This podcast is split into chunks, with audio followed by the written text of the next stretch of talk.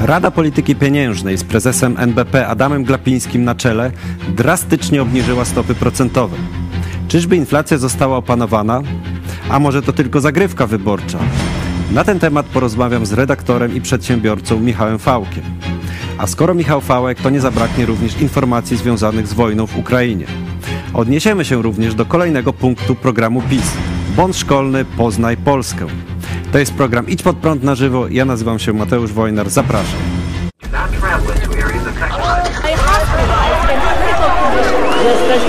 Traveling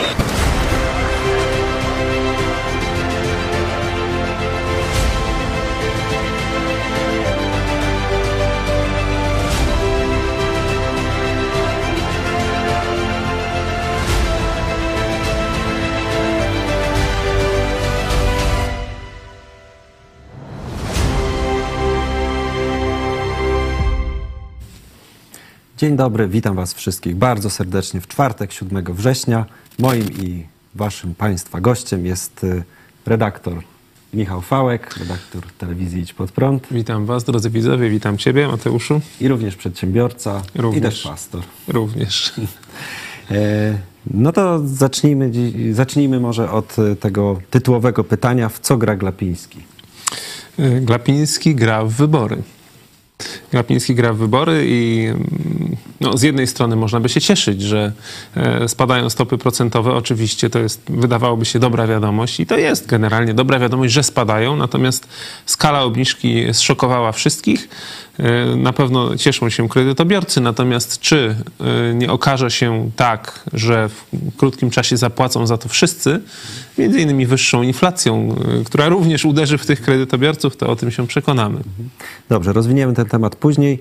Drugie pytanie, co myślisz na temat kolejnego punktu programu Prawa i Sprawiedliwości? Bon szkolny, poznaj Polskę.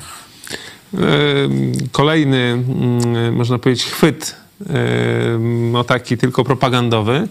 E, Ten program, z tego co żeśmy sprawdzili, to już istnieje, czyli można powiedzieć, proponują coś, co już jest wprowadzone. I akurat tutaj rzeczywiście ten taki program już funkcjonuje od kilku lat, choć jak jest, jak przychodzi co do czego, to za wycieczkę i tak muszą zapłacić rodzice. Wiem, bo wczoraj płaciłem.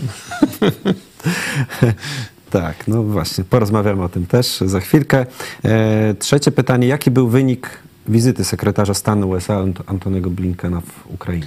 Dobry, e, to jest bardzo dobra wizyta, no taka nieoczekiwana zresztą. e, Można powiedzieć, że sekretarz stanu Antony Blinken poleciał do Kijowa w momencie, kiedy Putin każdego dnia stara się atakować i nawet, no Kijowa akurat nie atakowali w tym czasie, ale zaatakowali e, brutalnie Kramatorsk, gdzie, zabiło, gdzie zabili kilkunastu cywili, kilku- kilkudziesięciu było rannych Rosjanie.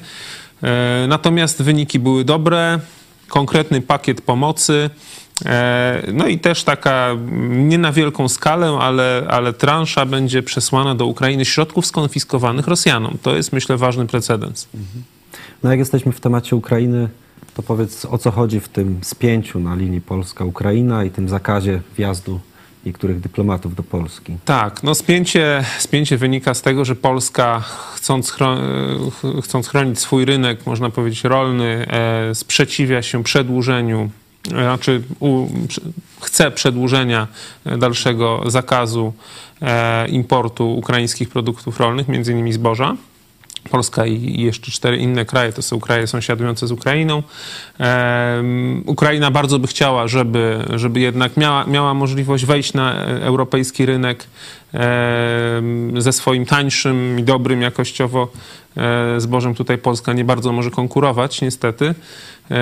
Także tutaj jest powiedzmy no, kwestia rozbieżnych interesów gospodarczych. No i ten zakaz, zakaz jest wprowadzony przez stronę ukraińską dla przedstawicieli parlamentu ukraińskiego, czyli e, ukraińscy deputowani nie mogą wjechać e, do Polski w tym momencie. Dziękuję za y, te odpowiedź, szybkie odpowiedzi na te pytania. Przechodzimy teraz do głównej części programu.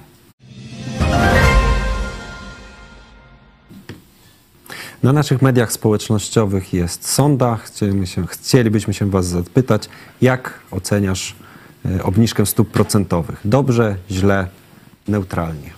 Także zachęcamy do głosowania. My zaraz na ten temat porozmawiamy i potem y, odniesiemy się do Waszych wyników. No I oczywiście program jest interaktywny, więc y, zachęcamy do komentowania, zadawania pytań. E, Tutaj redaktorowi Michałowi Fałk- Fałkowi, e, który jest również przedsiębiorcą. No dobrze, to przejdźmy do tej obniżki stóp procentowych. E, Dlaczego powiedziałem drastyczna? Mm, Skoro mieliśmy 6, tak? 6, 6,75, a jest 6. 6, no dokładnie. No bo mm, właśnie, dlaczego to jest drastyczne? w No to jest obniżka o 75 punktów bazowych, czyli o 0,75%. Rynek spodziewał się obniżki o 25 punktów bazowych, czyli o ćwierć procenta. E, Generalnie pan, sam pan prezes Glapiński w miesiącu lipcu e, mówił, że jeśli będą obniżki, jeśli będą warunki do obniżek, to będzie to stopniowo, czyli będzie, będzie powolny cykl obniżek, prawda? Natomiast tutaj Rada Polityki Pieniężnej no tak przywaliła z grubej rury na miesiąc przed wyborami, tak? I zobaczmy, że można powiedzieć, cała, całe funkcjonowanie w ostatnich latach e, tej Rady w kontekście stóp procentowych, no to było, no to było, można powiedzieć, tak jakby na zamówienie polityczne, tak? Czyli kiedy był czas na to, żeby delikatnie podwyższyć stopy procentowe w 2021 roku, oni trzymali je e, cały czas bardzo nisko. Doprowadziło to do szeregu problemów, właśnie do tego, że inflacja wystrzeliła prawie do 20%, tak? Czyli nie, można powiedzieć, nie e, wtedy, kiedy był czas na delikatne podwyżki, to tego nie zrobili. Dlaczego? Bo naczelnik państwa Jarosław zabronił, tak?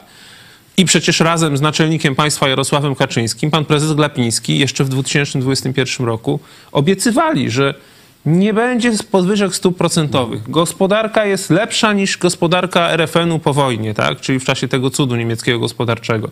Możecie brać kredyty, ile wlezie, będzie się wspaniale Polska rozwijała. I nagle okazało się, że inflacja wystrzeliła w górę, jeszcze przed wojną, tak? tak wystrzeliła, że trzeba było, można powiedzieć, w trybie ratunkowym podwyższać znacznie stopy procentowe, co bardzo uderzyło w kredytobiorców, bo raty kredytów wzrosły dwukrotnie.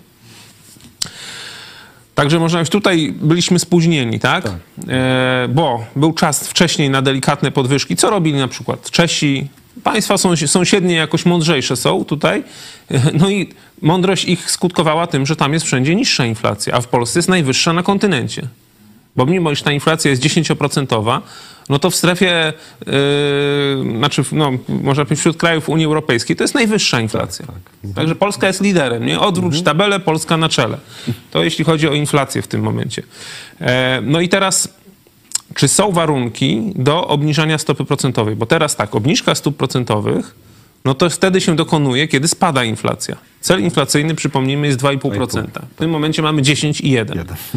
E, Glapiński mówił, że obniżka będzie wtedy, kiedy będzie poniżej 10. No, 10,1 to może dla niego jest poniżej 10. Nie wiem, jak tam z jego rozumieniem, wiesz, liczb matematyki, może po prostu prezes NBP inaczej rozumie e, matematykę, czy powiedzmy wartości liczbowe niż zwykły człowiek. No, jeżeli mówi, że poniżej 10 będziemy obniżać, a jest powyżej 10, a on obniża znacznie, nie wiem, może on coś tam pije, te grzyby, tam ostatnio rozmawialiśmy o grzybach, może właśnie ta rada jak się zbiera i sobie, nie wiem, widać, że to jest na zamówienie, y, na zamówienie polityczne. Za, rok, za, za miesiąc, przepraszam, są wybory i w tym momencie wysoka, czy taka duża obniżka, to jest, można powiedzieć, no będą, Kaczyński mówił, teraz będą tańsze kredyty, będą się chwalić i tak dalej. Licząc na to, że wyborcy nie będą pamiętali ich zaniedbań i błędów przez ostatnie dwa lata, które doprowadziły do tej sytuacji, tak?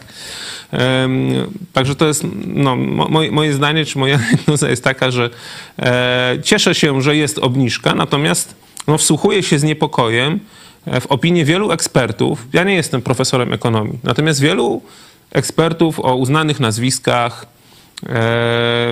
pan Orłowski profesor, pan Gwiazdowski, e, pan Belka dzisiaj, no można powiedzieć, że to są z przeciwnej strony, no ale oni twierdzą, że e, taka obniżka w momencie, kiedy inflacja dalej jest wysoka, może doprowadzić do tego, że zostaniemy na długo z wysoką inflacją.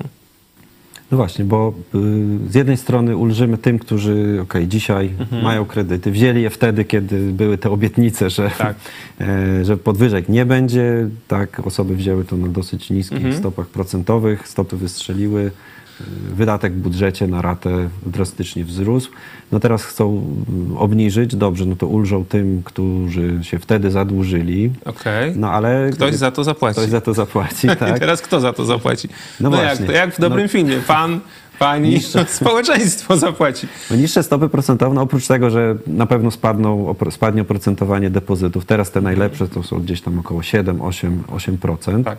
No to też spowoduje, że i kredyty będą trochę tańsze. Tak. Pewnie, pewnie spadną. No i Czyli jak zaczną... znowu brać kredyty, co z kolei zwiększy presję inflacyjną. Czyli z drugiej, czyli to właśnie za, ni- za, nis- za duża różnica pomiędzy stopą procentową a realną inflacją no powoduje, że dalej opłaca się wziąć dużo kredytu, prawda, żeby inwestować, żeby po prostu no, radzić sobie w ten sposób z inflacją. No i w tym momencie e, rozwinięcie akcji kredytowej to jest z kolei znowu presja inflacyjna, no bo będzie więcej pieniądza na rynku, więcej wydatków i tak dalej. Teraz warto zobaczyć na jedną rzecz, która można powiedzieć e, pokazuje, czy to była mądra decyzja oczekiwana przez rynek, czy nie. No warto zobaczyć na kurs, na kursy walutowe, ponieważ rynek już w dniu wczorajszym ocenił tę decyzję. Właśnie, no zobaczmy wykres. Bo, bo co powiedział, co powiedział e, pan Glapiński? Jeszcze nie było jego komunikatu, ale powiedział, że no właśnie gospodarka jest w tak dobrym stanie, że właśnie jest, e, jest możliwość, żeby jeszcze umocnić złotego, tak? Czyli, że właśnie ta decyzja ma spowodować umocnienie złotego. No to zobaczmy, To jak się się stało. złoty umocnił przez te dwa dni. To poproszę wykres y, dolara i, US, y, dolara i złotówki. Y, Ten może trzymiesięczny na początek. Y, Tak, czyli widzimy, to, to jest wykres y, trzymiesięczny, czyli no, wyskoczyło nam do, już do 2,8. Widać ten, ten no, gdzieś było około 4, 4 zł, nawet poniżej y, w lipcu. Zobaczmy może wykres y, pięcioletni, czyli taki dłuższy okres, to widzimy, że ten kurs był bardzo wysoko w momencie, kiedy tak y, było to największe nasilenie e, wojny w Ukrainie, no i potem systematycznie zaczął spadać. No i mamy właśnie, że znowu, znowu wzrósł. A teraz co to znaczy, że jest drogi dolar? Przede wszystkim dla, dla każdego, dla każdego można powiedzieć Polaka. My nie kupujemy w dolarach. Nie kupujemy w dolarach. No tak. Aby na pewno. No właśnie, ale zobaczcie, jaka jest w tym momencie cena ropy. Bo cena ropy, przez to, że Rosja dogadała się z Arabią Saudyjską i, i zmniejszyli wydobycie, można powiedzieć, sprzedaż ropy e, na rynkach światowych o milion i trzy, o po prostu 1300 tysięcy, czyli milion i trzy dziesiąte baryłek dziennie. To jest bardzo dużo. Arabia Saudyjska milion, Rosja dodatkowe 300 tysięcy baryłek dziennie. E, Cena ropy od jakiegoś czasu rośnie. E, ropa e, marki Brent, czyli ta, no, można powiedzieć, brytyjska, czy z Morza Północnego, e, jest już powyżej 90 dolarów. No, Ural, czyli ten rosyjski, jest w granicach e, 70 dolarów, czyli też powyżej pułapu cenowego, co ciekawe. E, I no, co to znaczy? To znaczy, że paliwo powinno być już droższe. Do tego, skoro płacimy za ropę w dolarach, a złoty osłabł, czyli można powiedzieć, e, no droższy jest dolar, ze względu na decyzję Rady Polityki Pieniężnej już osłabł praktycznie o 3% w ciągu dwóch dni, e, to też znaczy, że paliwo będzie droższe, tak? W tym momencie, żeby utrzymać przed wyborami paliwo na poziomie około 6,50, co i tak jest horrendalnie drogie, horrendalnie wysoką ceną. E, są takie informacje, czy są analizy, że e, Orlen czy rafinerie polskie praktycznie sprzedają z marżą ujemną. Czyli można powiedzieć, jeżeli mieliby zarabiać tak, jak wcześniej zarabiali, To mus, musieliby. to paliwo powinno być już z siódemką z przodu na pewno, a nie wiem, czy nie podwo- powinno podchodzić pod 8 zł, nie? Może jednak dobrze, że mamy wybory. na chwilę przynajmniej, bo później. Co to znaczy, Mateusz? Ale to znaczy, że tak, teraz mamy wybory. Ale jak wybory się skończą, no to co będzie w listopadzie? Tankujemy do października. Tankujemy. Przed 15 października trzeba zatankować po prostu ile się da, narobić zapasów. Może się nie zepsuje benzyna. No, przez rok czasu się nie zepsuje, chociaż ma jakiś termin ważności. Też nie jest tak, że... Także zachęcamy wszystkich do tankowania na zapas, póki cena jest... I tak jest cena, wiecie, kosmicznie droga w porównaniu do, co mówiłem, z Kanadą, to jest cztery razy droższa, no ale cztery razy drożej płacimy za paliwo niż tam. No, No cóż, Wiesz, wiesz co, to mi się wydaje, że to nawoływanie to może być y, do działalności wywrotowej, bo skoro marże są ujemne, no to narazimy wszyscy na straty nasz Orlen. ojejku, pan Obajtek nie będzie miał na ten, na to, żeby sponsorować partię jedyną, jedynie słuszną i Nie, no sprawiedliwą. to może jednak kupujmy. To kupujmy paliwo. tak. E, Ja bym poprosił komunikat Rady Polityki Pieniężnej, może przeczytajmy, e, na co oni się powołują, jak, e, jak to argumentują. Czyli tak, w ocenie Rady napływające w ostatnim czasie dane wskazują na mniejszą od wcześniejszych oczekiwań presję popytową, co będzie oddziaływać w kierunku szybszego powrotu inflacji do celu inflacyjnego. Czyli jednak oceniają, że mimo wszystko ten popyt będzie niższy. I dalej, biorąc pod uwagę te uwarunkowania, a także opóźnienia, z jakimi decyzje w zakresie polityki pieniężnej wpływają na gospodarkę, może uczą się z tego, że tam wcześniej y, tak, tak y, no, zwlekali z tymi podwyżkami, Rada dokonała dostosowania stóp, stóp procentowych, które będzie sprzyjać realizacji celu inflacyjnego w średnim okresie. Rada podtrzymała ocenę, że szybszemu obniżeniu inflacji sprzyjałoby umocnienie złotego, które byłoby spójne z fundamentami polskiej gospodarki. No właśnie, czyli chcieliby umocnienia złotego, uzyskali Efekt odwrotny. efekt odwrotny. No, to ten, ten, jak, jakimi oni są tymi midasami? Co zamieniają wszystko, czego się dotkną w G? No, dodam tylko, że ko- komunikat, czy konferencja, może komunikat przed chwilą czytaliśmy, ale konferencja y, prezesa NBP pana Adama Glapińskiego będzie miała miejsce dzisiaj o 15, także jeszcze nie skomentujemy. Czyli cyrk. Glapińskiego za, pół, za dwie godziny. Dwie prawie. godziny, może i lepiej, że po naszym programie. Ach, no, może i Byśmy- lepiej. E, Dobrze, Mm, to może przejdźmy. A, to jeszcze, jeszcze chciałbym powiedzieć o jednej rzeczy, bo tak oczywiście mówimy o przewodniczącym e, Adamie Glapińskim, ale bym poprosił może skład Rady Polityki Pieniężnej, bo decyzje podejmowane są przez, e, przez osoby wyznaczone. No i właśnie zobaczmy, że e, Sejm wyznaczał tutaj trzech tak, członków i prezesa NBP, Senat trzech członków i prezydent e, trzech członków. Także jest to takie ciało kolegialne, nazwijmy to, no ale jednak większość, tak oprócz trzech wyznaczonych przez Senat, e, który od czterech lat jest e, powiedzmy w rękach opozycji, no to jednak tych e, siedmiu, siedmiu osób jest powiedzmy. prezes Tak, w tym prezes z, z opcji. są wyznaczeni przez Nowogrodzką, czyli przez główną bazę na Nowogrodzkiej. No i właśnie tak się mówi, że Świętokrzyska, czyli NBP i Nowogrodzka, czyli PiS tutaj są, idą, idą pod rękę, krótko mówiąc. I widać, że rzeczywiście e, decyzje e, Rady Polityki Pieniężnej są, są zbieżne z zapotrzebowaniem e, politycznym naczelnika państwa Jarosława. Dokładnie. To może przejdźmy teraz do mm, obietnic wyborczych. Y, drugi temat. Okej, może zanim jeszcze, znaczy zanim przejdziemy do tego, mm, do tego pomysłu y, wycieczek, czy dofinansowania wycieczek szkolnych, y, spójrzmy może na takie analizy, które tutaj przygotowali eksperci, ile kosztują obietnice wyborcze i która partia, Przoduje która tutaj. partia tutaj jest. przoduje. Mhm. E, Czyli tak, pierwsza, może lewica, poproszę, poproszę slajd, co tutaj zostało obiecane. Jak wyliczają eksperci, program lewicy kosztowałby 227,4 miliarda. E, I teraz co, co jest w tym programie? Lwią część obietnic, e, czyli ponad 100 miliardów, pochłonęłyby wydatki na służbę zdrowia, e, bo planują zwiększyć do Dodatkowe 8, tak, wydatki. do 8% PKB. Kolejne 60 miliardów to inwestycje, które pozwoliłyby na szybszy rozwój Polski. To tak powiedzmy og- ogólnie jest tutaj wspomniane. E, No i jak oceniasz może te wydatki mm, no, lewicy, tak? Czyli służba zdrowia inwestycje. No wygląda ciekawie. Wygląda ciekawie, tak? Pytanie jest, ciekawie. pytanie jest, skąd lewica chciałaby na to wziąć pieniądze? Tak? Bo generalnie to, to, to można powiedzieć przy każdej kolejnej partii, którą będziemy ewentualnie omawiać, skąd na to wszystko wziąć pieniądze?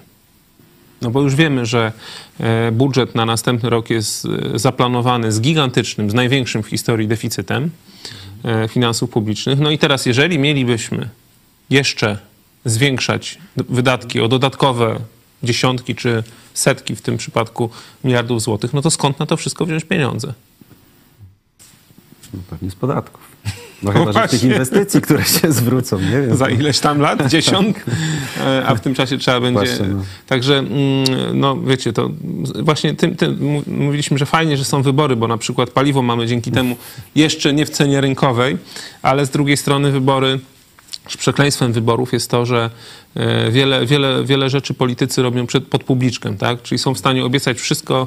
E, Przedwczoraj mieliśmy mieliśmy sondę, e, co jest w stanie obiecać PiS, tak? No i niektóre głosy były takie, że wszystko jest w stanie obiecać PiS. Poza tym, że zrealizuje swoje obietnice. Także obiecają wszystko, a później... Choć z drugiej strony to może i by dobrze było, bo jeżeli wyborca będzie wiedział, że polityk i tak nie zrealizuje tych obietnic, to niech sobie obiecuje, co chce. Byleby później nie starać się trzymać polityków za słowo, tak? Znaczy wybieramy wszystko jedno komu, kogo, a i tak później nie liczymy na to, że zrealizują, tylko niech kradną mniej niż poprzednicy.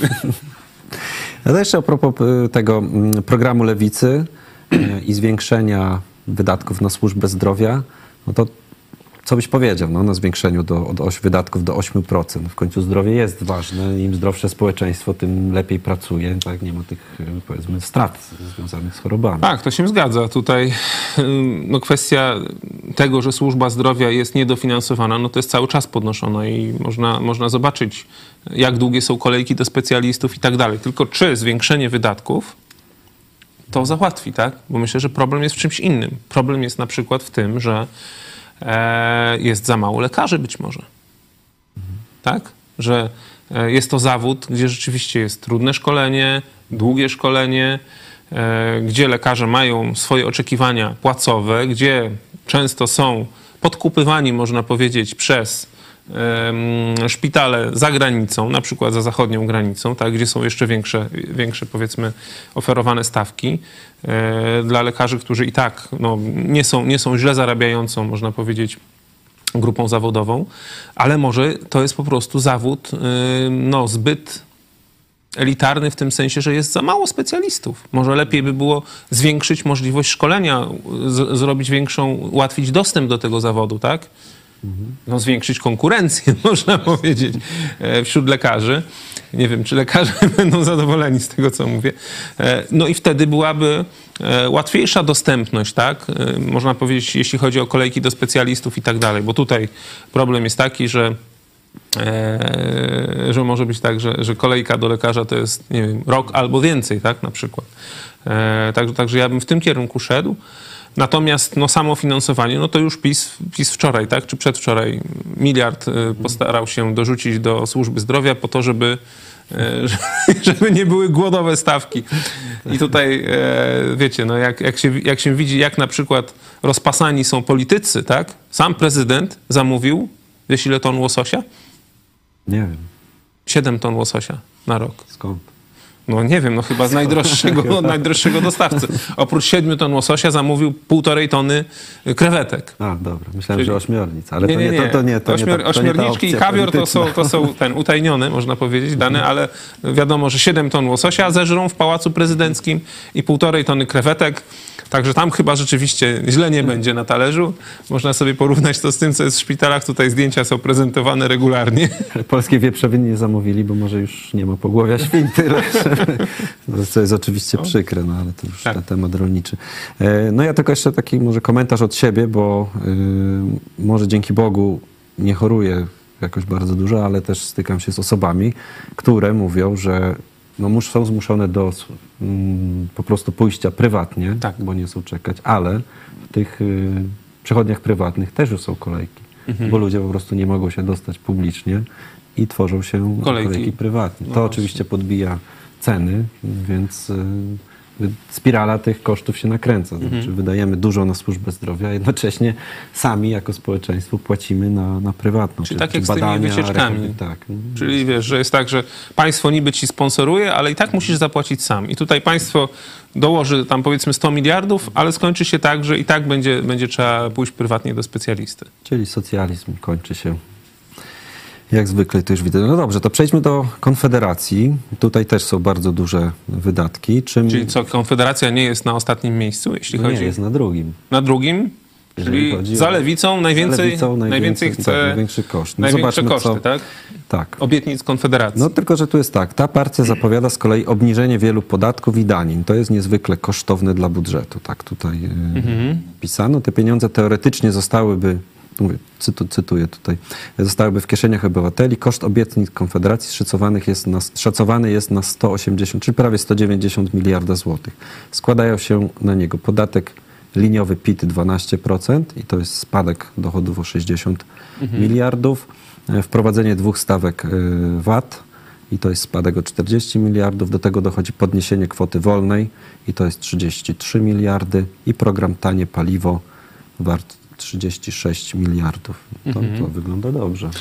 Wygląda dobrze, tak? Bo tutaj jest e, 190 miliardów jest Mhm. koszt, ale to jest koszt związany z tym, że Konfederacja chce zmniejszyć A, zmniejszy E, wydatki, mniejsze dochody. zmniejszyć dochody budżetu. Budżet. No nie zmniejszyć wydatki, tylko chce zmniejszyć dochody budżetu. Okej, wydaje się, że to jest fajne, nie? Zmniejszyć dochody budżetu. Niejednokrotnie mówiliśmy, że to dobrze, jeżeli budżet nie jest ro- rozdęty za bardzo, tak? No tylko w tym momencie, e, czy Konfederacja e, policzyła, skąd weźmie z kolei pieniądze na te wydatki, które są w budżecie zaplanowane? Bo jeżeli Konfederacja zrobiłaby tak, że e, zmniejszy dochody budżetu, ale też i drastycznie, drastycznie zmniejszy wydatki budżetu, czyli na przykład ograniczy, e, ograniczy, nie wiem, na przykład finansowanie partii politycznych, dotacje do przeróżnych, e, do przeróżnych mm, e, fundacji, zresztą takich, co i tam Konfederacja chętnie rękę wyciąga po nie, z tego co wiemy, prawda? I też mieliśmy Także- tutaj także- dyskusję posła y, Dobromira Sośnierza. Dokładnie. Że trzeba. Co? co? Jak, jak to my nie będziemy wyciągać ręki? Inaczej lewacy wezmą, No, tak- bo tak inaczej powiedział, lewacy cy- wezmą, cytując, dokładnie. Nie? tak. Także Konfederacja chętnie wyciąga ręce po pieniądze budżetowe. E, No i chce zm- zmniejszyć dochody budżetu, ale wyda- nie, nie, nie jest wcale nie ma mowy o e, zmniejszeniu wydatków budżetu. No to wtedy jest problem. No bo wtedy nagle co się dzieje? No rośnie nam deficyt budżetowy. Czyli trzeba, żeby, żeby ten e, deficyt budżetowy, czyli zakładamy, że jest jakiś budżet i Konfederacja mówi, zmniejszamy wydatki o 190 miliardów. Ludzie się cieszą, bo te pieniądze zostaną im w kieszeniach. Ale żeby pokryć wydatki, których nie zmniejszają, bo nie ma o tym mowy, e, no to trzeba będzie, no nie wiem, albo wydrukować pieniądze, albo je pożyczyć na rynku, no co z kolei znowu napędzi inflację i w końcu i tak ludzie za to za, zapłacą. Natomiast z tego, co, e, co ja kiedyś e, próbowałem tak, tak się wgryźć w obietnice rzeczywiście finansowe pana Mencena i spółki, czyli, czyli firmy Konfederosja, to okazuje się, że oni tylko mówią chętnie o właśnie tych obniżkach, natomiast nie mówią o podwyżkach, bo oni e, część tych obniżek podatków, można powiedzieć, część, czyli część tego zmniejszenia dochodów budżetów chcą, chcą no, tak jakby skompensować podwyżkami podatków. Bo była mowa na przykład o wprowadzeniu podatku obrotowego, e, nie zamiast Zamiast to, to co myśmy... tak, nie zamiast, tylko po prostu VAT będzie mniejszy, no i wprowadzimy podatek obrotowy. E, Była mowa też o podatku, mm, o, o czymś w rodzaju podatku katastralnego. Także generalnie e, no to jest partia, która, no to nie jest tak, że pieniądze wyczarujesz, nie? No właśnie. Zwłaszcza kiedy masz y, duże stałe wydatki. Przecież Dokładnie do tak. emerytur z budżetu państwa dofinansowanie do Funduszu Ubezpieczeń Społecznych jest, jest gigantyczne. Teraz nie pamiętam ile to jest, ale to jest i to jest stały wydatek budżetu, który nie zastąpisz y, tak od razu. Nie? Dokładnie. Bo ludziom trzeba wypłacać emerytury. Tym, którzy Tym bardziej, że biorą. Konfederacja też jest partią, która no, składa piękne obietnice Polakom, bo składa obietnice Polakom, że każdy powinien mieć dom, tak, dwa samochody, w czasy, yy, ten trawnik, tak, przy domu, grilla i psa na grilla. Niestety. Nie, już, już, Już nie? Już z tego się wycofali? Tak, z tego się Okej. No i teraz weź to wszystkim zapewni, nie? no. To nie takie proste. Składać takie obietnice, a później co? Okaże się, że tylko składali obietnice, nie? To są chłopcy, którzy idą po ten, idą po stołki, idą po koryto, a nie, a nie, e, nie, nie są to ludzie jacyś, wiecie, z doświadczeniem rzeczywistym, z mądrością, tylko to są chłopcy w krótkich spodenkach, którzy rzeczywiście chcą się napaść i do, na, na, napaść w, w, w korycie, nie zanurzyć swoje ryje e, w korycie. Tak uważamy. Dobra, to zobaczmy teraz trzecią, e, trzecią partię, która, czy, czy siłę po prostu wyborczą, która e, jest tutaj w kolejności wydatków, e, obietnic wyborczych. To jest trzecia droga. E, I tutaj ich obietnice miałyby kosztować 125 miliardów złotych. E, Najdroższa obietnica to wzrost nakładów na służbę zdrowia do 6% PKB, z, kolei, z kolei na edukację e, i 6% PKB na edukację. To kosztowałoby pierwsze 46 miliardów, drugie 30 miliardów. No czyli tutaj już tą edukację też omówiliśmy, Tak. tak, jak przy, przy Tak samo. lewicy, wzrost. No i edukacja, no edukacja ważna sprawa oczywiście. Też, też tutaj. Są bardziej umiarkowani e, niż, e, niż lewica tutaj. No, co daje nadzieję, że jak są bardziej umiarkowani, no to też może, może, może jest szansa na jakieś łatwiejsze znalezienie nie tak wielkiego wzrostu tak wydatków, czyli pokrycie tych kosztów. No w kolejny, w ko- kolejna w, mm, na liście jest Zjednoczona Prawica. No tutaj jest e, 115 miliardów złotych e, i to jest 45 miliardów na powiększenie armii, 46 na program inwestycji, fundusz inwestycji lokalnych i niecałe 10 miliardów na przedłużenie tarczy antyinflacyjnej. Aczkolwiek no nie widzę tutaj tych, e, e, tych programów, które, które obiecy, obiecałem. Teraz, tak? Tak, Czyli- teraz, także pewnie jeszcze Lokalna półka, jeszcze. bony i tak dalej. Jeszcze się to może rozwinąć, czyli będą konkurowali o trzecie miejsce, y, szacujesz, Myślę, tak? Może z tak, trzecią drogą. Pewnie. No i pewnie tak. I, no i część z tych, z tych y, obietnic, jak to na przykład lokalna półka, którą może za chwilę jeszcze przedyskutujemy, no nie jest może bezpośrednio z budżetu, ale w jakiś sposób będzie kosztować. y, kosztować nas. No i Koalicja Obywatelska na y, ostatnim miejscu y, z 80 miliardami i tu najwięcej pochłonęłaby kwota wolna od podatku 43 miliardy. y, 20% podwyżki dla budżetówki. To ciekawe, taki postulat się nigdzie wcześniej nie pojawił, to 12 miliardów. Dopłata 600 zł do czynszu 8 miliardów i babciowe 6,5 miliarda. Czyli tak. No to jestem zdziwiony, że Koalicja Obywatelska najmniej obiecuje. To dobrze, uważam. Choć y, też mam różne, różne wątpliwości co do ko- Koalicji Obywatelskiej, ale no cieszę się, że nie ścigają się z innymi partiami po prostu o to, kto więcej obieca, bo to jest niebezpieczne. Po prostu, y, wiecie, rozdmuchanie obietnic wyborczych ponad y, jakiś sensowny wymiar, no jest niebezpieczne. No bo później albo trzeba je zrealizować i to się, to się odbije na wszystkich, no albo po prostu iść, chyba, że ktoś idzie do wyborów z założeniem, że nie zrealizuje tych obietnic, no to jest po prostu kłamcą. Dobrze, tu y, mam wasze y, komentarze odnośnie tej części, jeszcze poprzedniej związanej z panem Glapińskim, to może przeczytam. Łukasz Ulianowicz. Będzie tak, że ludzie znowu nabiorą kredytów, inflacja mocno wzrośnie, stopy znowu pójdą w górę i chyba o taki plan, żeby ograbić tych, co jeszcze teraz I krótko mówiąc, strzyżenie owieczek, nie? kredyt. Tak. Y, Kot Kotlowski. W Poznaniu czekam trzy miesiące na neurologa prywatnie. Wow, no to grubo. Y, Obywatel WB, obniżka na zamówienie polityczne, a przed wyborami prawdopodobnie kolejna. Tak się należy spodziewać. Tuż przed wyborami kolejne, a później podwyżki.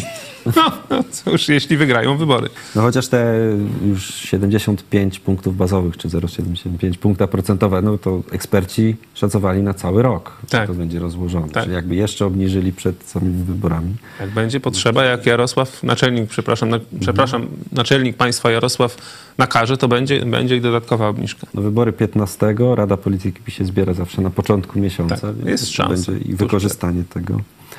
Y, Negro. Co on handluje? Przepraszam. Co on handluje łososiem? tak było prezydencie. An- Andrzej? No wie. Słuchaj, jak Wawrzyk okazało się, że handluje wizami i to prawie na miliard tam się ten szacuje, że jest afera, na miliard dolarów, nie? Omawialiśmy to tak. No właśnie, no to może i prezydent też postanowił nie być gorszy. No wizami nie dam rady, bo nie mam, ale może łososiem pohandluję krewetkami. W końcu kończy kadencję, z czegoś trzeba żyć. Czegoś trzeba żyć. Na siedmiu tonach łososia to może by tak... E, Kamila e, Staroszczyk, nigdy nie brałam kredytu. E, Prawie każda fundacja to pralnia pieniędzy, negro znowu. No, No to, to a propos tych Tak, dofinansowania, tak, tak. Dofinansa dofinansowania fundacji. E, To może, mm, to może tyle, jeżeli chodzi o Wasze komentarze. Za chwilę znowu przejdę do kolejnej partii, do kolejnej partii komentarzy. E, To porozmawiajmy sobie właśnie o tym bonie szkolnym Poznaj Polskę. Tutaj minister Czarnek to ogłosił, to jest jego domena. Ja gdzieś czytałem jakieś analizy, że szykuje się na premiera, czy, czy że wszystko wskazuje, że mogą go wystawić. O nie, przecież to Ale było chyba, chyba, chyba Polacy najgorszy tego nie... premier stulecia chyba by to był. Ale to tam powiedzmy... Niestety jest z Lublina. No nie pochodzi, przynajmniej okazało się przy, przy którymś programie, że nie pochodzi z Lublina. To mi troszkę kamień spadł z serca, ale no reprezentuje Lublin, w Lublinie będzie wybierany i pewnie się No. dostanie do Sejmu. My, my, myślę, że PiS by tego nie, nie zrobił, to by ich pogroziło totalnie. E, No, Dobrze, no to... Człowiek z taką butą, taką pychą, jakby został premierem, to nie wiem, chyba jak, jak Orban by był w tym momencie. To powiedzmy już może nie rozwijajmy tego tematu. Natomiast tak, ta e, bądź szkolny Poznaj Polskę. No inicjatywa co, nie, niezacna. E, Zacna. Trzeba Polskę poznawać. Może nie, nie stać tak rodziców Mhm. na wycieczki, mogliby pojechać rzeczywiście w te miejsca. No ja, ja na przykład y, lubię zwiedzać i też Mhm. wiem, że wiedza historyczna czy geograficzna no lepiej wchodzi Mhm. do głowy, jak, y, jak pojedziesz w to miejsce, nie Mhm. wiem, nad morze, na Hel, zobaczysz y, wydmy, zobaczysz góry. No to może umówmy się, że tym razem nie skrytykujemy tego pomysłu. Jeśli to będzie niewiele kosztować, a chyba nie, nie za dużo ma to kosztować globalnie, no to może to jest to jakiś pomysł, nie? Tak samo, wiecie, no są te jakieś takie ułatwienia dla rodziców typu, typu ta, yy, no, ta pomoc na wyprawkę, nie? 300 zł, to wiecie, nie wystarcza na zakup podręczników nawet, nie? Tak. Eee, tylko pytanie, czy jakby to powiedzieć, czy jest, czy powiedzmy PiS jest w stanie taki pomysł jakoś tak sensownie przeprowadzić, nie? żeby rzeczywiście on dotarł, nie wiem, czy do każdej szkoły, no albo róbmy to dla wszystkich, tak? tak. No bo powiedzmy, jak będziemy segregować, że powiedzmy, no tutaj w Polsce C to tak, a w Polsce A, tam gdzie załóżmy y, burmistrzowie są z Platformy Obywatelskiej, to nie dajemy, nie? To nie, to tak nie powinno być, nie? To już lepiej niech, niech to będzie jakaś pomoc y, dla wszystkich. Choć tak jak mówię, ten program podobno funkcjonuje od 2021 roku. W tym roku na niego w budżecie około 60 milionów było przeznaczone. No a nie słyszałem, żeby choć y, y, no, w- można powiedzieć na wiosnę, czy tam wczesnym latem, na koniec roku jedna z moich córek też była na, na wycieczce, trzeba było za nią zapłacić, a teraz y, na początku roku kolejna, która właśnie poszła do liceum, jedzie na wycieczkę w następnym tygodniu i już za wycieczkę trzeba było zapłacić. Nie było żadnej mowy, że tutaj minister nam zwróci Czarnek, choć to w Lublinie jest. Mógłby osobiście przyjść. Panie ministrze, zapraszamy do trzeciego LO. Niech pan przyjdzie i zwróci każdemu po dwie stówy za wycieczkę. To wtedy będę wiedział, że rzeczywiście można na pana liczyć. E, Ale powiedz tak z doświadczenia szkolnego, są rzeczywiście dzieci, których y, w sensie nie jeżdżą na wycieczki, bo rodzice ich nie stać, y, bo rodziców nie stać? Wydaje mi się, że nie. No, tym bardziej, że tutaj jest mowa o takich wycieczkach jedno-dwudniowych. To nie są wycieczki za kilka tysięcy złotych, nie? To są wycieczki e, za tam powiedzmy 100-200 złotych i em, no, oczywiście ja bym wolał, żeby te pieniądze zostawić w kieszeni rodziców, tak? A najlepiej to, żeby w ogóle wprowadzić bon oświatowy, czyli żeby to rodzice mogli decydować, na co te pieniądze, które są z subwencji oświatowej, czy powiedzmy do jakiej szkoły pójdą w całości, prawda? Czyli żeby pieniądze szły za dzieckiem, ale żeby rodzice mieli dowolność również na przykład, jeśli chodzi o edukację domową czy, czy, czy szkoły prywatne, żeby tutaj była normalna, zdrowa konkurencja. Wiemy, że tak nie jest, że państwo stara się e, konkurencji swojej, czyli konkurencji szkół państwowych, publicznych, uprzykrzać życie. E, No właśnie, ten pomysł z bonem, e, bonem edukacyjnym, tak? To się tak... Bon oświatowy, Bon, bon bon, bon, bon oświatowy, no to już tutaj y, gdzieś przewija się po mm, powiem, w obietnicach wyborczych y, wiele razy. On nigdy nie Ale wszedł w w życie. tym roku nikt nie obiecuje, zauważ. W tym nikt, tak. tak. No, ja sobie wyobrażam, że w takim, w ramach tego bonu no, mogłyby być też i, i wycieczki. W sensie masz bon, idziesz do szkoły i szkoła ci daje konkretną ofertę. Nauka, Tak. wycieczki. Tak. I idziesz do tej szkoły lub do tej szkoły, do tej, gdzie, gdzie jest to tym bardziej atrakcyjne, więc Mhm. mogłoby to rzeczywiście... e, No, można by to na pewno uprościć niż takie dawanie pieniędzy. Mhm. Tak sobie wyobrażam. Tu na wycieczki, tu na obiad, za chwilę będzie, Mhm. kiedyś było na mleko, na obiady i tak dalej.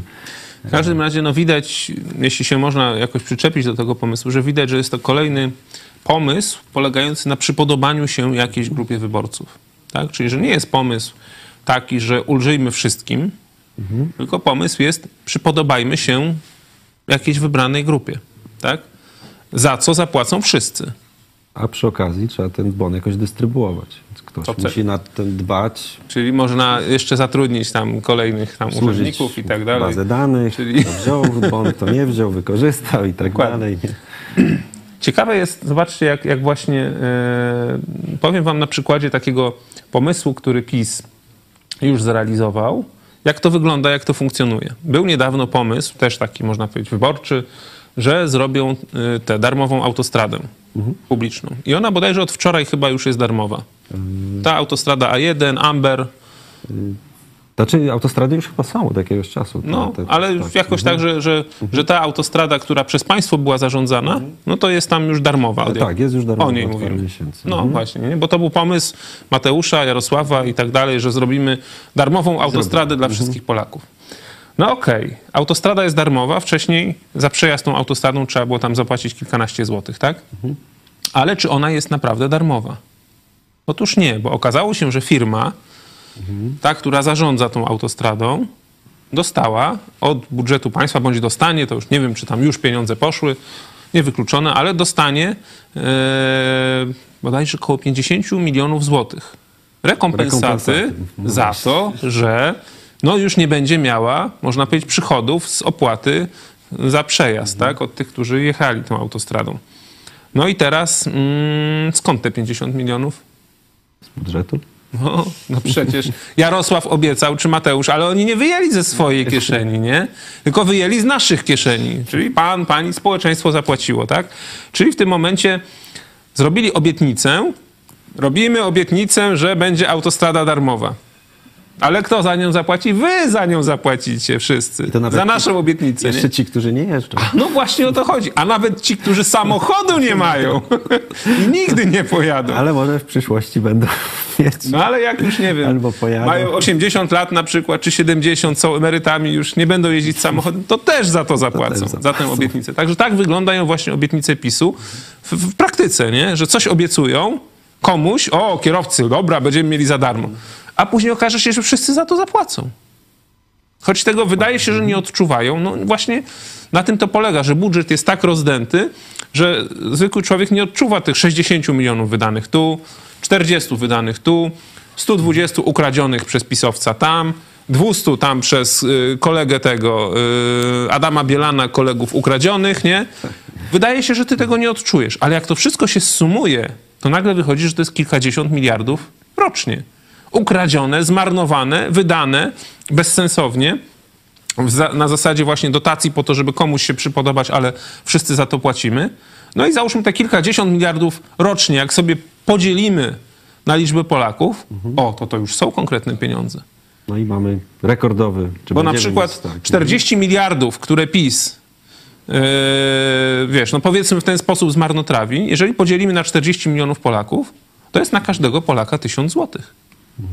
Czyli na taką rodzinę 2 plus 2, 4 tysiące. No. Zmarnowane w każdym roku, czy wydane, nie? To już w tym momencie stają się to realne, realne liczby, nie? Tak trzeba popatrzeć. A propos budżetu, pani y, minister Magdalena Rzeczkowska y, zamieściła ostatnio y, wywiad dla Business Insider, no i powiedziała, że budżet jest bezpieczny, bo dotyczy bezpieczeństwa Polaków w trzech kluczowych wymiarach: programów społecznych, zdrowia oraz zwiększenia nakładów na obronność. No takie trochę wymijająca odpowiedź, bo pytanie bezpieczeństwo budżetu chodziło, czy finanse się nie, za, nie, za, nie załamią. Czyli jakby to powiedzieć, jakby wydali jeszcze 300 miliardów więcej na mm, armię, to byłby jeszcze bardziej bezpieczny. Że armia będzie bronić budżetu pośrednio. No? Albo, bo to na co tam? Bezpieczeństwo? Y, To jest bezpieczeństwo, programy społeczne y, i zdrowie. No to idąc za tą, za tą logiką mm, minister, minister, tak, pani minister, Tak. to powinniśmy jeszcze więcej wydać na te trzy rzeczy, żeby budżet był jeszcze bardziej bezpieczny. Dlaczego tylko 200 e, miliardów deficyta? Zróbmy 2 miliony deficytu. To będzie bezpieczny budżet. No. Ach, No I tak. Sama przyznała, że grozi nam y, no, otwarcie unijnej procedury nadmiernego deficytu. No właśnie. ale Okej. Zobaczcie, do czego doprowadził PiS. A szczycili się tym, że jak do, dojdą do władzy, to będą właśnie budżety bez deficytu. To tak miał robić em, Mateusz, tak, Morawiecki, ekonomista, bankier, a okazało się, że nie jest bankierem, tylko banksterem, tak, że to są gangsterskie budżety, bo rzeczywiście zadłużają Polskę. PiS przez 8 lat swoich rządów zadłużył Polskę na większą kwotę, niż było zadłużenie przez te 20 parę lat przed PiSem. Tak, tak zwanej wolnej Polski po Tak. 89. Ostatnio ten wykres. że- Dokładnie, nie? Czyli. PiS przez swoje lata rządzenia zadłużył na więcej niż wszystkie rządy wcześniej. Kto za to zapłaci? Bo Obawiam się, że nasze dzieci mogą nie dać rady. Być może nasze wnuki będą musiały płacić za to rozpasanie pisowskie. A jeszcze jest ile środków poza budżetem, można powiedzieć, w deficycie. Bo przecież Mateusz ma takie, można powiedzieć, zaskórniaki, kilkaset miliardów poza budżetem, Dokładnie. które może wydawać na lewo i prawo bez żadnej kontroli. No po prostu Eldorado mają. Zobaczmy wyniki, e, zobaczmy wyniki sądy.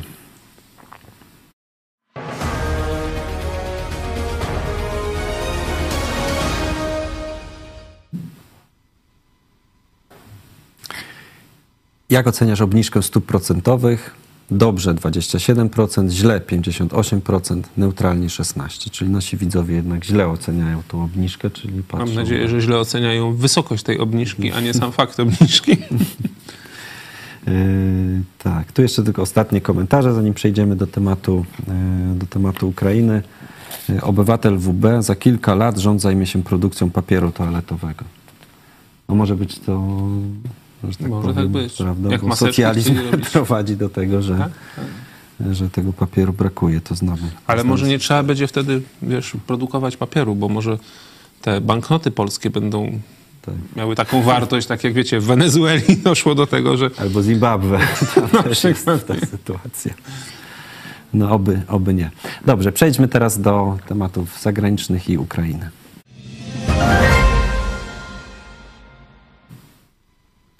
Jakbyś mógł rozwinąć y, ten temat właśnie wizyty y, Antonego, Antonego Blin- Blinkena. Antonego Blinkena w y, Ukrainie. E, Zwróćmy uwagę, że to rzeczywiście mm, była wizyta niezapowiedziana i w samym Kijowie, no według mnie drugiego najważniejszego e, urzędnika Stanów Zjednoczonych po prezydencie, tak? bo to jest sekretarz stanu, czyli minister spraw zagranicznych, czyli, czyli krótko mówiąc przedstawiciel Stanów Zjednoczonych na zagranicę, e, pojechał do Kijowa, gdzie e, no, złożył hołd na cmentarzu e, poległych ukraińskich żołnierzy, gdzie tam bardzo wiele flag. e, Zjadł w amerykańskim McDonaldzie kolację z, z, z, ministrem spraw zagranicznych Kuebą ukraińskim, ale również mm, ogłosił dwie, dwie ważne informacje, czy dwie ważne decyzje. Jedna to jest, mm, to jest taka e, decyzja, która dotyczy małej kwoty, bo dotyczy tylko 5,5 prawie miliona dolarów, ale to jest decyzja o tym, że na Ukrainę zostaną przesłane środki skonfiskowane w Stanach Zjednoczonych rosyjskim oligarchom. I te środki zostaną przesłane na Ukrainę e, z przeznaczeniem na leczenie, mm, na leczenie ukraińskich e, żołnierzy, którzy tam odnieśli rany, czy no nie wiem, powiedzmy stracili kończyny i tak dalej. E, To, są, to jest mała kwota, ale to jest ważny fakt, tak? bo to jest fakt, który pokazuje, że środki zabrane w Stanach Zjednoczonych nie rządowi rosyjskiemu jeszcze, tylko rosyjskim obywatelom, e, zdecydowano się przekazać Ukrainie. Czyli jest to taki precedens. Jest to, tak, mało było, do ty- tych, takich decyzji do tej pory to chyba było kilka, na, na palcach jednej ręki można policzyć, gdzie jakieś kraje zdecydowały się ogłosić, nie wiem, czy to finalnie było, bo wiecie, no nie śledzimy tych przelewów, nie, e, że środki skonfiskowane trafiają na Ukrainę w jakimś tam konkretnym celu.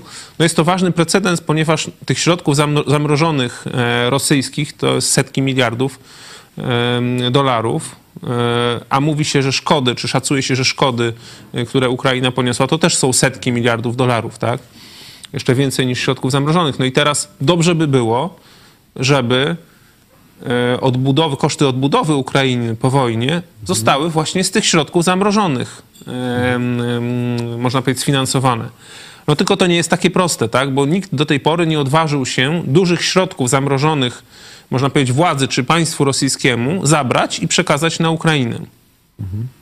No bo to byłby taki gruby precedens, który z kolei podważyłby e, bezpieczeństwo lokowania Lokowania środków, środków, tak. za granicą, tak? W jakichś tam instytucjach finansowych, bankach i tak dalej. Dlatego myślę, że nikt się na to póki co nie zdobędzie. Tutaj jest szansa, że załatwi się to jedynie w drodze warunków kapitulacji Federacji Rosyjskiej. Jeżeli Rosja przegra wojnę, tak, że będzie musiała podpisać kapitulację, no to uważam, że jednym z warunków kapitulacji powinno być zrzeczenie się przez Rosję tych środków zamrożonych na Zachodzie i przeznaczenie ich na odbudowę Ukrainy. Czyli takie realne re reparacje. Realne reparacje nie po prostu, tam- że nie musi Rosja wyciągać powiedzmy, nie wiem, z, już ma środki zamrożone, te środki traci, traci i przeznaczane są na Ukrainę. Ale to musi być decyzja Rosji, że ona się z tego zrzeka i wtedy można powiedzieć bez e, ryzyka podważenia zaufania dla systemu bankowego światowego, te środki mogą być przekazane Ukrainie. No to widzę jako jedyny sensowny, możliwy sposób rozwiązania tego problemu. Natomiast no, są te takie małe kroczki, precedensy i to jest jeden z tych precedensów, że jakieś te środki zabrane, akurat tutaj nie Rosji jako państwu, tylko rosyjskim obywatelom, którzy wspierali e, agresję Putina, oczywiście to nie są niewinni ludzie, e, zostają, zostają Ukrainie przekazane. I to właśnie ogłosił. To jest mała kwota, ale również były, było ogłoszenie przez Blinkena, ale też jeszcze przez, przez można powiedzieć, Departament Stanu e, w tym samym czasie, w tym samym dniu dwóch pakietów pomocowych. Jeden na prawie 200 milionów dolarów. To, była, to jest amuni- amunicja e, kasetowa, do HIMARSów, e, artyleryjska, także coś, co jest Ukraiń, Ukraińcom potrzebne do bieżącego, można powiedzieć, rozprawiania się e, z tymi orkami Putina. Natomiast ten, ten pakiet, który, ogłosił sam Blinken e, w Kijowie, to jest pakiet na miliard dolarów praktycznie, z czego e, 665 milionów to jest sprzęt i tutaj mamy Patrioty, HIMARSy, Abramsy, to już chyba wszyscy wiedzą, o czym mówimy, tak? Czyli wyrzutnie przeciwlotnicze, e, artyleria rakietowa, czołgi, e, czyli wiele, dużo, dużo konkretnego sprzętu, tak? Tylko, że no zobaczymy, jak długo to potrwa, nie? Bo na przykład Abramsy, które, e, które, zobaczcie, Amerykanie ogłosili na wiosnę, że w ramach tej koalicji czołgowej, że trafią na Ukrainę, jeszcze nie trafiły. Do tej pory, e, można powiedzieć, w Niemczech trwa demontaż e, części osprzętu, który jest tajemnicą wojskową i Amerykanie boją się, żeby w przypadku utraty takiego czołgu dostały się te tajemnice ich, można powiedzieć, wojskowe w łapy Rosjan. Dlatego demontują pewne elementy mm, ochrony, można powiedzieć, pancerza E, i, i dopiero mówi się, że we wrześniu bądź najpóźniej w październiku pierwsze Abramsy będą, e, będą, będą dostarczone Ukraińcom. A tu już mówi się o kolejnych.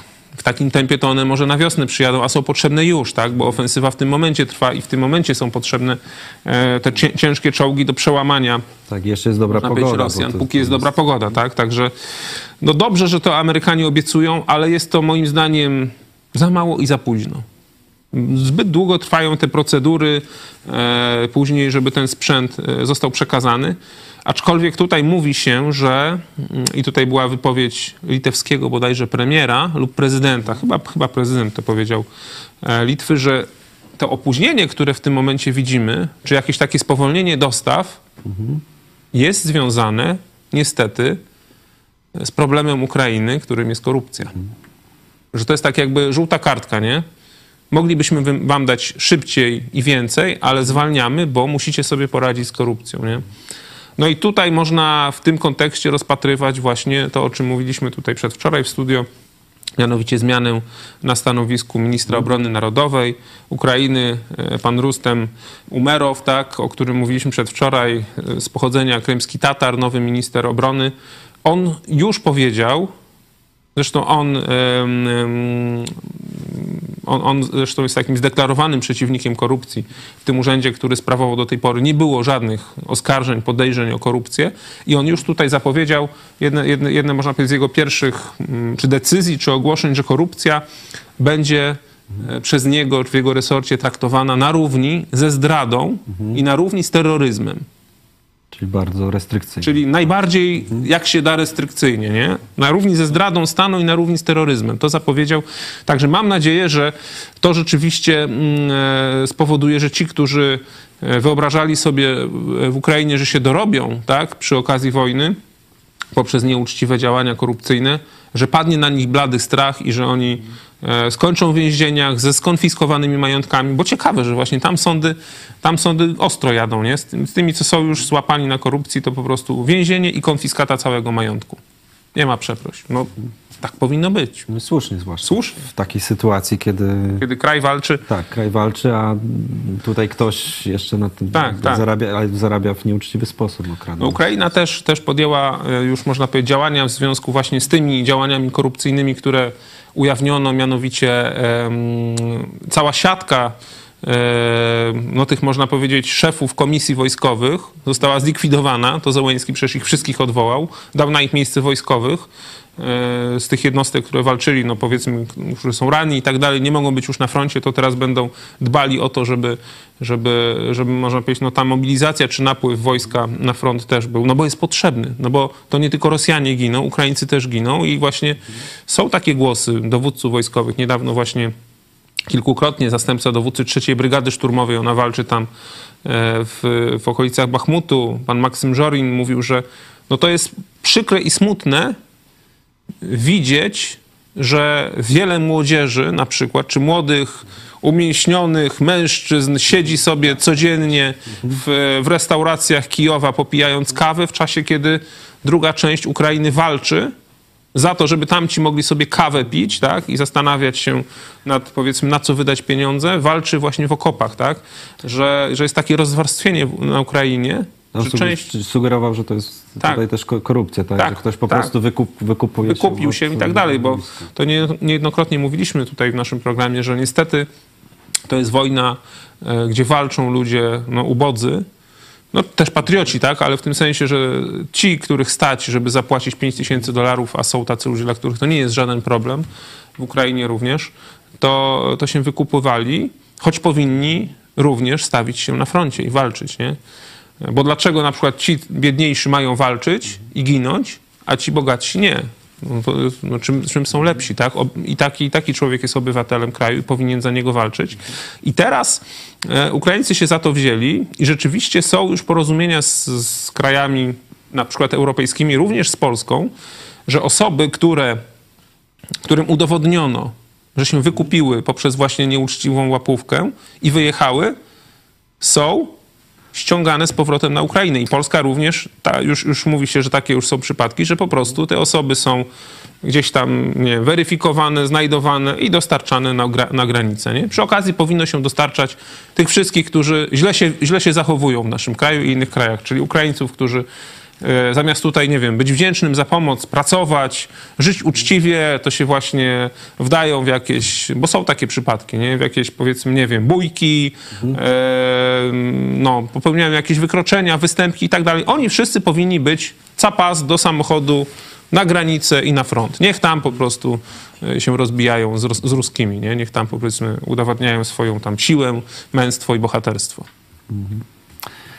Dobrze, myślę, że będziemy już kończyć. Yy, Dziękuję Ci, Michał, za ten szeroki komentarz. Przejdę może do ogłoszeń. Yy, Pierwsze ogłoszenie. Zapraszamy na domowe studium Biblii, dzieje apostolskie, codziennie na YouTubie, ale kanału Mega Kościół. Yy, Zamieszczamy kolejny odcinek i również na Spotify kanału Idź Pod Prąd.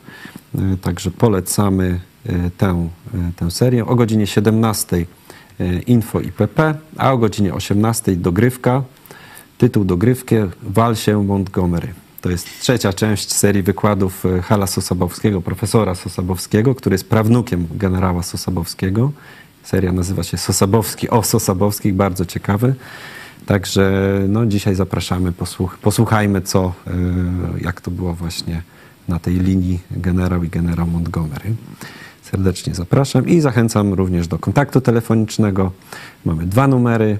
E, Jeden numer do e, Pawła Machały e, 533 906 230 i drugi numer do obecnego tutaj Michała Fałka 536 813 435.